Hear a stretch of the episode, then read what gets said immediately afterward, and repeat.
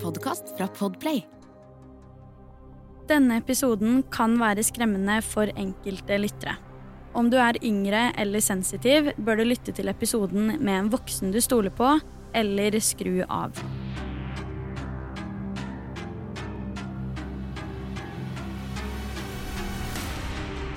I denne episoden skal jeg ta for meg saken om 11 år gamle Mary Bell, som på mange måter er både trist og forskrekkende på samme tid. Det er veldig sjeldent vi hører om saker der det er et barn som er gjerningspersonen, men dagens sak er nettopp det, og derfor vil jeg be deg om å ta advarselen i begynnelsen av episoden ekstra på alvor denne uken. Dette er en sak jeg selv har fått helt vondt i kroppen av å gjøre research på, og ikke minst å snakke om. La meg ta deg gjennom den forferdelige saken om Mary Bell. Mary Bell ble født 26. mai 1957 i Corbridge i Northumberland i England. Hun ble egentlig født Mary Flora Bell, og moren hennes heter Elizabeth McCricket. Det er faktisk uvisst hvem som er Marys biologiske far, men Mary selv har trodd majoriteten av livet sitt at det er William Bell som er faren. Han gifta seg med Elizabeth mens Mary fremdeles var en liten baby, og det har aldri blitt verken bekrefta eller avkrefta hvorvidt det stemmer at William er Marys biologiske far. Elizabeth, altså moren til Mary, ble også kalt Betty, og hun var faktisk en veldig kjent lokal prostituert før hun fødte Mary. Mary ble Elizabeths andre barn, og dessverre var hun ikke akkurat et ønsket barn. Faktisk, ifølge tanta til Mary, som da heter Isa McCricket, så skal Elizabeth ha skreket til jordmoren på sykehuset så fort Mary ble født, få den tingen der vekk fra meg. På dette tidspunktet var Elizabeth kun 17 år gammel. Elizabeth fortsatte også med prostitusjon etter at hun hadde blitt mor, og veldig ofte forlot hun bare familien sin hjemme og dro til Glasgow for å jobbe. Da var det naturligvis barnefaren som måtte ta hånd om ungene, om han i det hele tatt var til stede. Vi er nødt til å snakke litt om William, altså barnefaren, også. Han var ikke så veldig mye bedre enn Elisabeth, for han var nemlig en veldig tungt alkoholisert far som ofte kunne bli voldelig, og han hadde også et kriminelt rulleblad som innebar bl.a. væpnet ran. Allerede her skjønner du antagelig at barndommen til Mary Bell ikke akkurat var lagt opp til å være den beste, men dessverre er dette bare begynnelsen på grusomhetene hun opplevde i barndommen og oppveksten. Som både baby og etter hvert barn ble nemlig Mary gjentatte ganger utsatt for flere skadelige hendelser på hjemmebane, de gangene hun var alene med moren sin. Hun fikk jo da naturligvis mange både fysiske og mentale skader, som vi alle vet at kan ha en påvirkning på barns liv både da de faktisk er barn, og også når de blir voksne. Familie og venner rundt Elizabeth og Mary begynte da etter hvert å lure på om det var moren som ikke passa godt nok på Mary, eller om hun faktisk intensjonelt prøvde å skade datteren sin. Det her er jo selvfølgelig vanskelig å si, men sistnevnte er kanskje ikke så urealistisk med tanke på at Mary var uønsket av moren helt fra starten av. Noen eksempler som blir nevnt for at vi skal forstå hvor ille oppveksten til Mary var, er f.eks. at da Mary bare var tre år gammel, så mistet Elizabeth henne ut av et vindu i første etasje. I tillegg hadde hun gitt Mary sovepiller i altfor høy dose rundt samme alder, og faktisk også solgt Mary til en bevist mentalt ustabil kvinne som ikke var i stand til å få egne barn. Det sykeste her er jo at den eldre søsteren til Mary, nemlig Catherine, måtte da dra helt alene til denne mentalt ustabile kvinnen for å ta med seg Mary hjem igjen. Altså, jeg klarer faktisk ikke å se for meg et sånt scenario engang. Det er jo 100% galskap. Mary selv mener også at moren brukte henne til prostitusjon allerede som fireåring. Og hun har også uttalt at hun som barn så en venninne bli både påkjørt og drept av en buss. Det er ingen tvil om at hendelsene jeg har nevnt nå, har en stor innflytelse på psyken til Mary. Jeg mener jo at ordet omsorgssvikt ikke engang dekker hvor ille den situasjonen her faktisk var.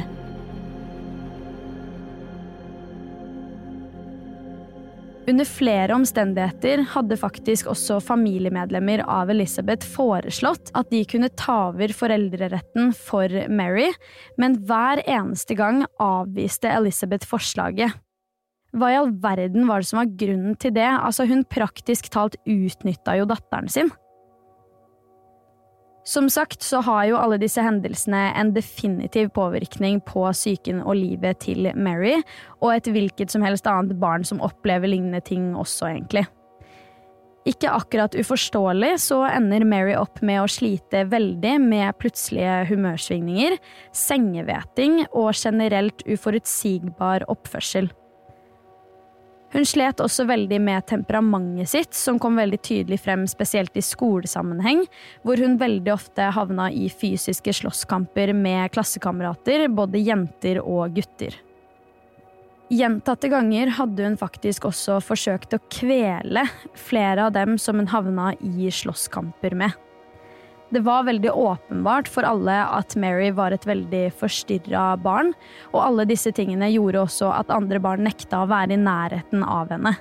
Man kan jo tenke seg til at de ble redde for henne etter hvert. 11. mai 1968 kunne vitner fortelle at de hadde sett en tre år gammel gutt vandre fortumla og tydelig skada i nærheten av det som het St. Margaret's Road. Senere blir denne gutten tatt inn til politiet for å forklare hva det var som hadde skjedd, og han kunne fortelle at han hadde vært med Mary Bell og hennes bestevenninne Norma Bell. Kjapt om Norma og Mary. De var ikke i familie selv om de hadde samme etternavn, og Norma var på dette tidspunktet 13 år gammel, mens Mary var 10 år gammel.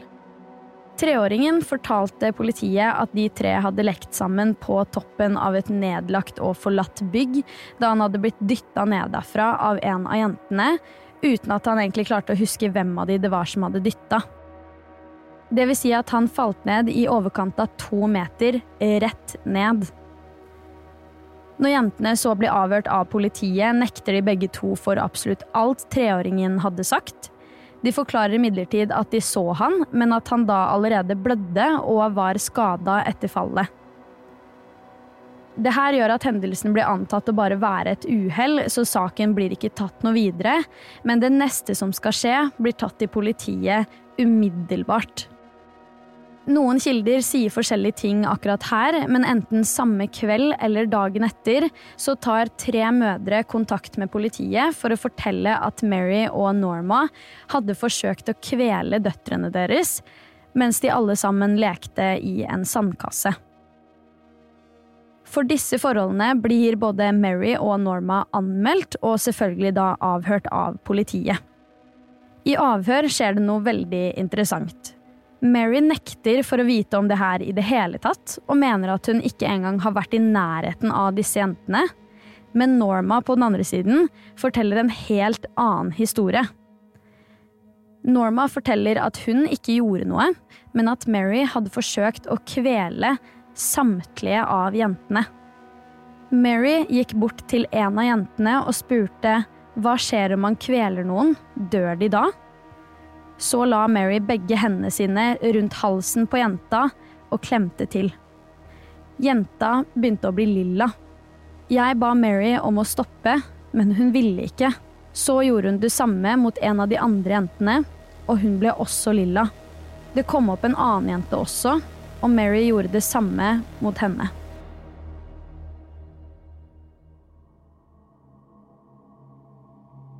Man skulle trodd at en hendelse som viser såpass tydelig hvor voldelige tendenser Mary hadde på den tiden her, skulle gi henne noen form for konsekvens, men utrolig nok så får hun ingen.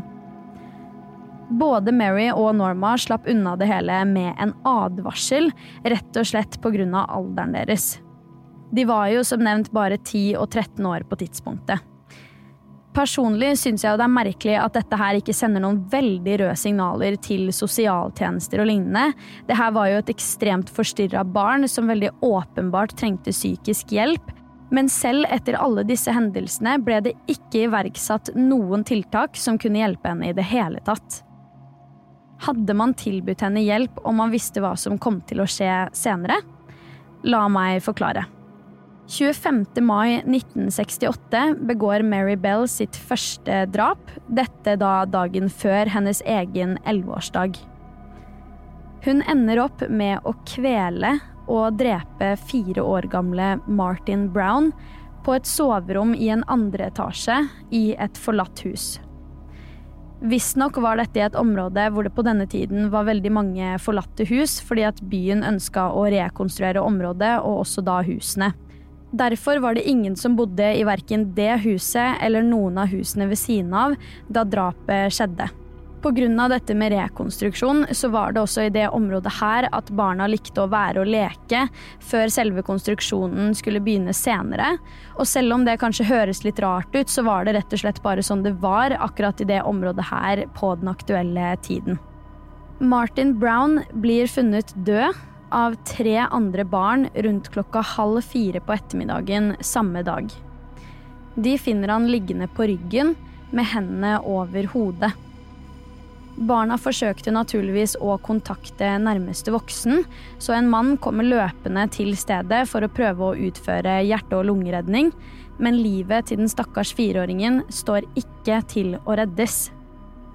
På åstedet ble det funnet noen piller ved siden av liket til det stakkars barnet, så politiet antok at Martin hadde dødd av å svelge noen piller, og at han dermed hadde blitt forgifta av dem. Patologen Bernard Knight utførte imidlertid en obduksjonsundersøkelse allerede dagen etter dødsfallet. Han klarte ikke å finne noe tegn til vold, og det var også umulig for han å finne ut hva som var den reelle dødsårsaken, men han kunne likevel med 100% sikkerhet si at politiets umiddelbare teori ikke stemte overhodet. Det hadde nemlig vært synlig på obduksjonsundersøkelsene. Det var da mer sannsynlig at han hadde dødd av å bli kvelt av disse pillene, enn at han hadde blitt forgiftet av dem. Martin var jo bare fire år gammel, så at et sånt uhell kunne skje, det var jo ikke akkurat urealistisk.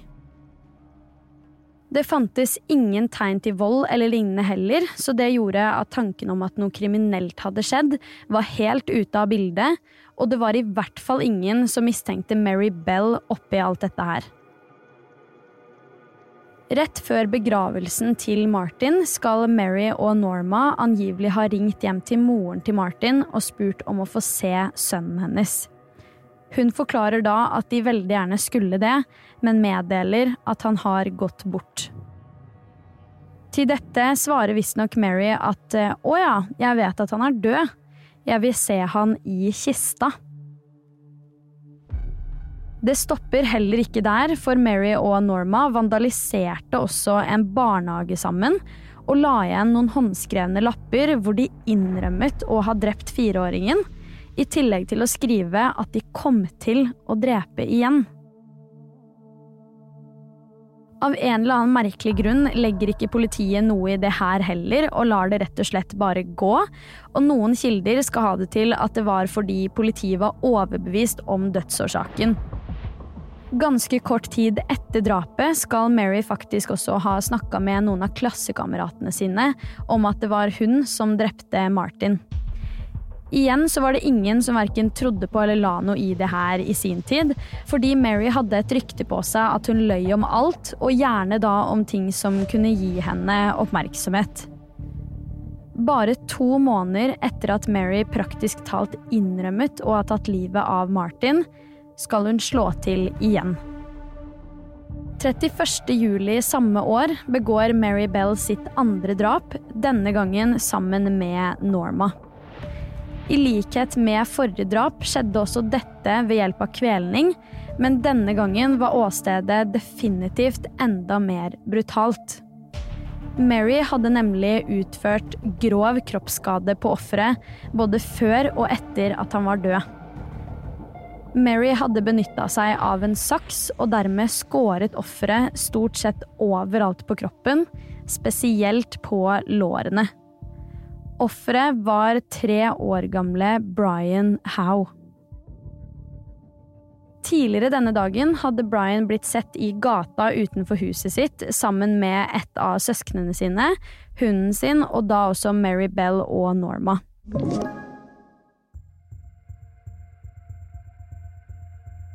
Senere denne ettermiddagen dukker han ikke opp hjemme, selv om han egentlig alltid pleide å gjøre det.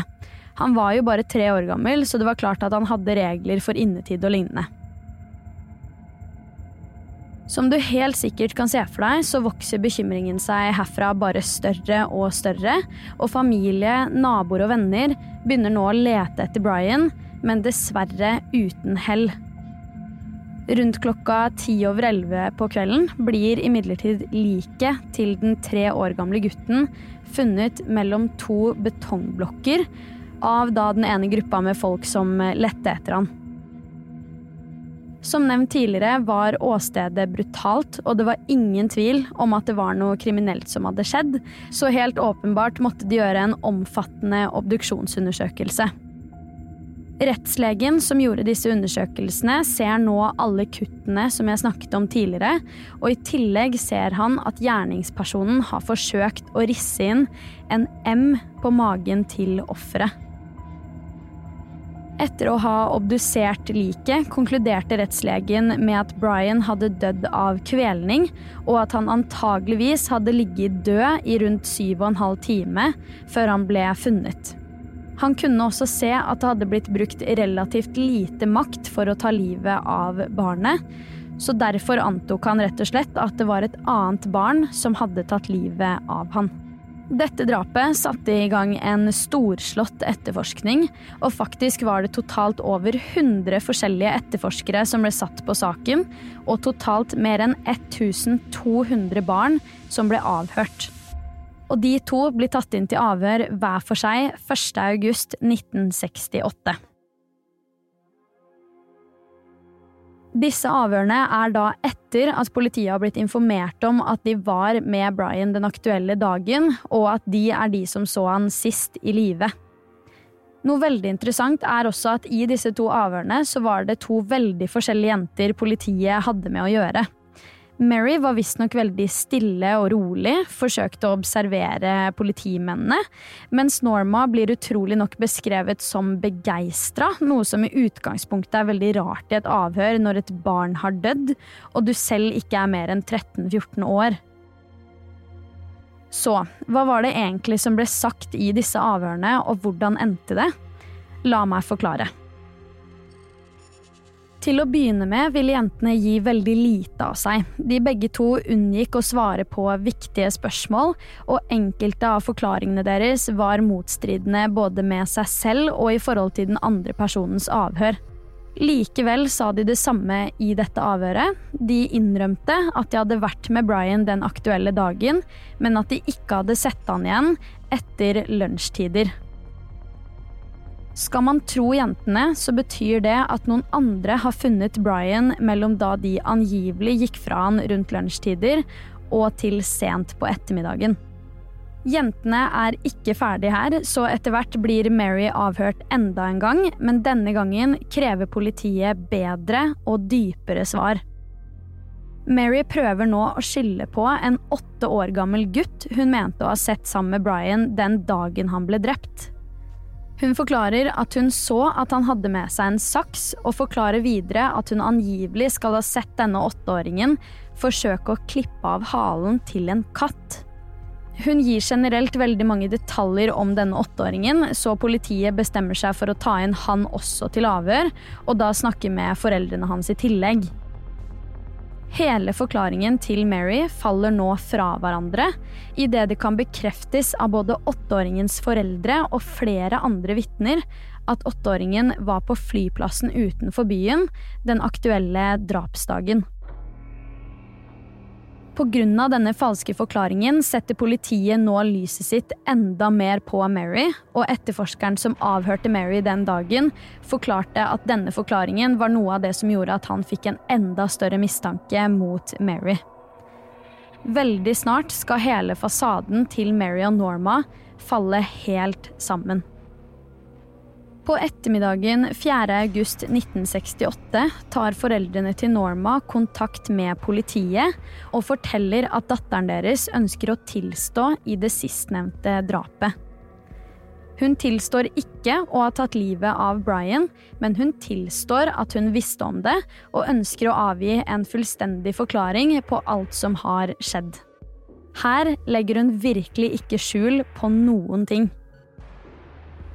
Det blir veldig tydelig at det er Mary som har vært hovedmann hele veien, ettersom Norma kunne fortelle om en hendelse der Mary tok med seg Norma tilbake igjen til åstedet i etterkant av drapet, for å da vise henne det.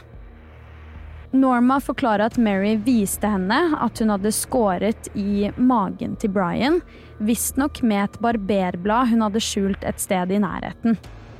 Dette kunne Norma med 100% sikkerhet vise til politiet, i tillegg til at hun klarte å tegne opp nøyaktig hvordan hun husket skadene på liket. Tegningen til Norma matcha da perfekt opp med beskrivelsen politiet og etterforskerne hadde fått fra rettslegen. Her var det ingen tvil, og det neste som måtte skje, var å komme i kontakt med Mary for å konfrontere henne med tilståelsen. Dette skjer 5.8.1968, altså dagen etter at Norma hadde tilstått. Denne konfrontasjonen takler Mary svært dårlig. Politiet kommer da hjem til henne denne ettermiddagen, og de begynner med å konfrontere henne med den motstridende forklaringen hun hadde gitt i avhør. Mary går da umiddelbart i forsvar og da jeg leste om det her, så syns jeg virkelig ikke at det her hørtes ut som en elleveåring i det hele tatt. Hun sa da du prøver å hjernevaske meg, jeg skal få en advokat for å få meg ut av det her. Litt senere samme dag blir Mary igjen avhørt av politiet ettersom de forsto at de ikke kom til å få noe mer fra henne under konfrontasjonen.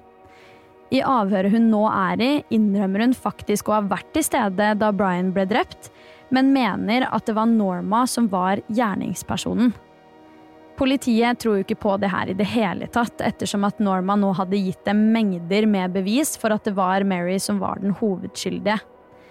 Politiet ender opp med å snakke med Norma enda en gang etter avhøret med Mary, og de får nå enda flere detaljer om hva som hadde skjedd.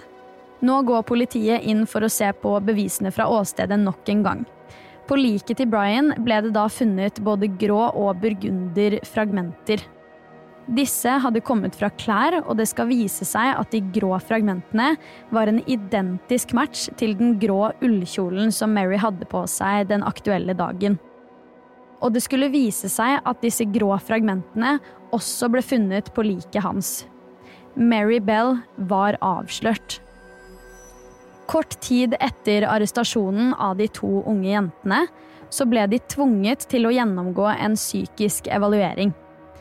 Ikke sjokkerende blir Mary da forklart som en lys, men utspekulert jente som hadde ekstreme humørsvingninger. Det husker du kanskje også at jeg nevnte i begynnelsen av episoden? Av og til ønska hun å snakke masse og dele av alt hun kunne, mens rett etterpå kunne hun trekke seg helt tilbake og bli både innadvendt og defensiv. På toppen av dette får Mary diagnostisert en psykotisk personlighetsforstyrrelse. Norma på den andre siden blir beskrevet som en underdanig person som styres av følelser, i tillegg til å være intellektuelt forsinka. Det vil da si at hun psykisk utviklet seg tregere enn andre på sin egen alder. Mary Bell blir jo da dømt som hovedskyldig i begge drapene, og får en dom jeg selv aldri har hørt om. Hun blir nemlig varetektsfengslet etter dronningens behag. Dette skal visstnok være en dom som ikke gir noen bestemmelse for hvor lenge den dømte skal sitte i fengsel. Var det her fordi at hun var under kriminell lavalder? Da dommen til Mary ble lest opp, ønsket dommeren å legge til at Mary var en farlig person som satte flere andre barn i fare. Han forklarer at det måtte iverksettes tiltak for at offentligheten skulle beskyttes mot henne. Ha i bakhodet at han nå snakker om en elleve år gammel jente. Altså, det er så sykt å tenke på at det her i det hele tatt er mulig. Norma på den andre siden blir ansett som en ufrivillig medhjelper, og får derfor ingen dom selv, ettersom hun i tillegg var personen som hjalp politiet med å løse saken. Mary havna jo som sagt i varetekt, og her blir hun flytta hit og dit i mange år til forskjellige fasiliteter og fengsler, men i 1980 ender hun faktisk opp med å bli løslatt fra fengsel som 23-åring. Hun blir nå lovet anonymitet og får dermed nytt navn, ny adresse og alt annet som innegår under det. 25. mai 1984, fire år etter løslatelsen, så føder Mary faktisk sitt første og eneste barn, og også henne blir lovet fullstendig anonymitet. Dette skulle egentlig bare vare til hun fylte 18 år, men i 2003 ble det bestemt at anonymiteten skulle loves for resten av hennes liv. Det sies at Mary selv har vært innom hjembyen sin flere ganger etter løslatelsen, og noen mener faktisk at hun også har bosatt seg der i noen år, men det siste vi hørte om eh, lokasjonen til Mary og datteren, var at de ble presset til å bo et helt annet sted i Storbritannia, fordi identiteten deres var nært på å bli avslørt. Så, hva tror du? Var det Mary som drepte de to guttene her alene? Og i så fall burde moren til Mary også bli straffa for grov omsorgssvikt, som da førte til at datteren ble en morder. Send meg dine tanker og refleksjoner om saken på Instagram, der jeg heter Forsvinningsfredag. Du har hørt Forsvinningsfredag podkast med meg, Sara Høydahl. Og dersom du vil høre om flere true crime-saker, så kan du også sjekke meg ut på YouTube, der jeg heter Sara Høydahl. Uansett så kommer det en helt ny Forsvinningsfredag podkast-episode allerede neste fredag, og i mellomtiden, ta vare på deg selv.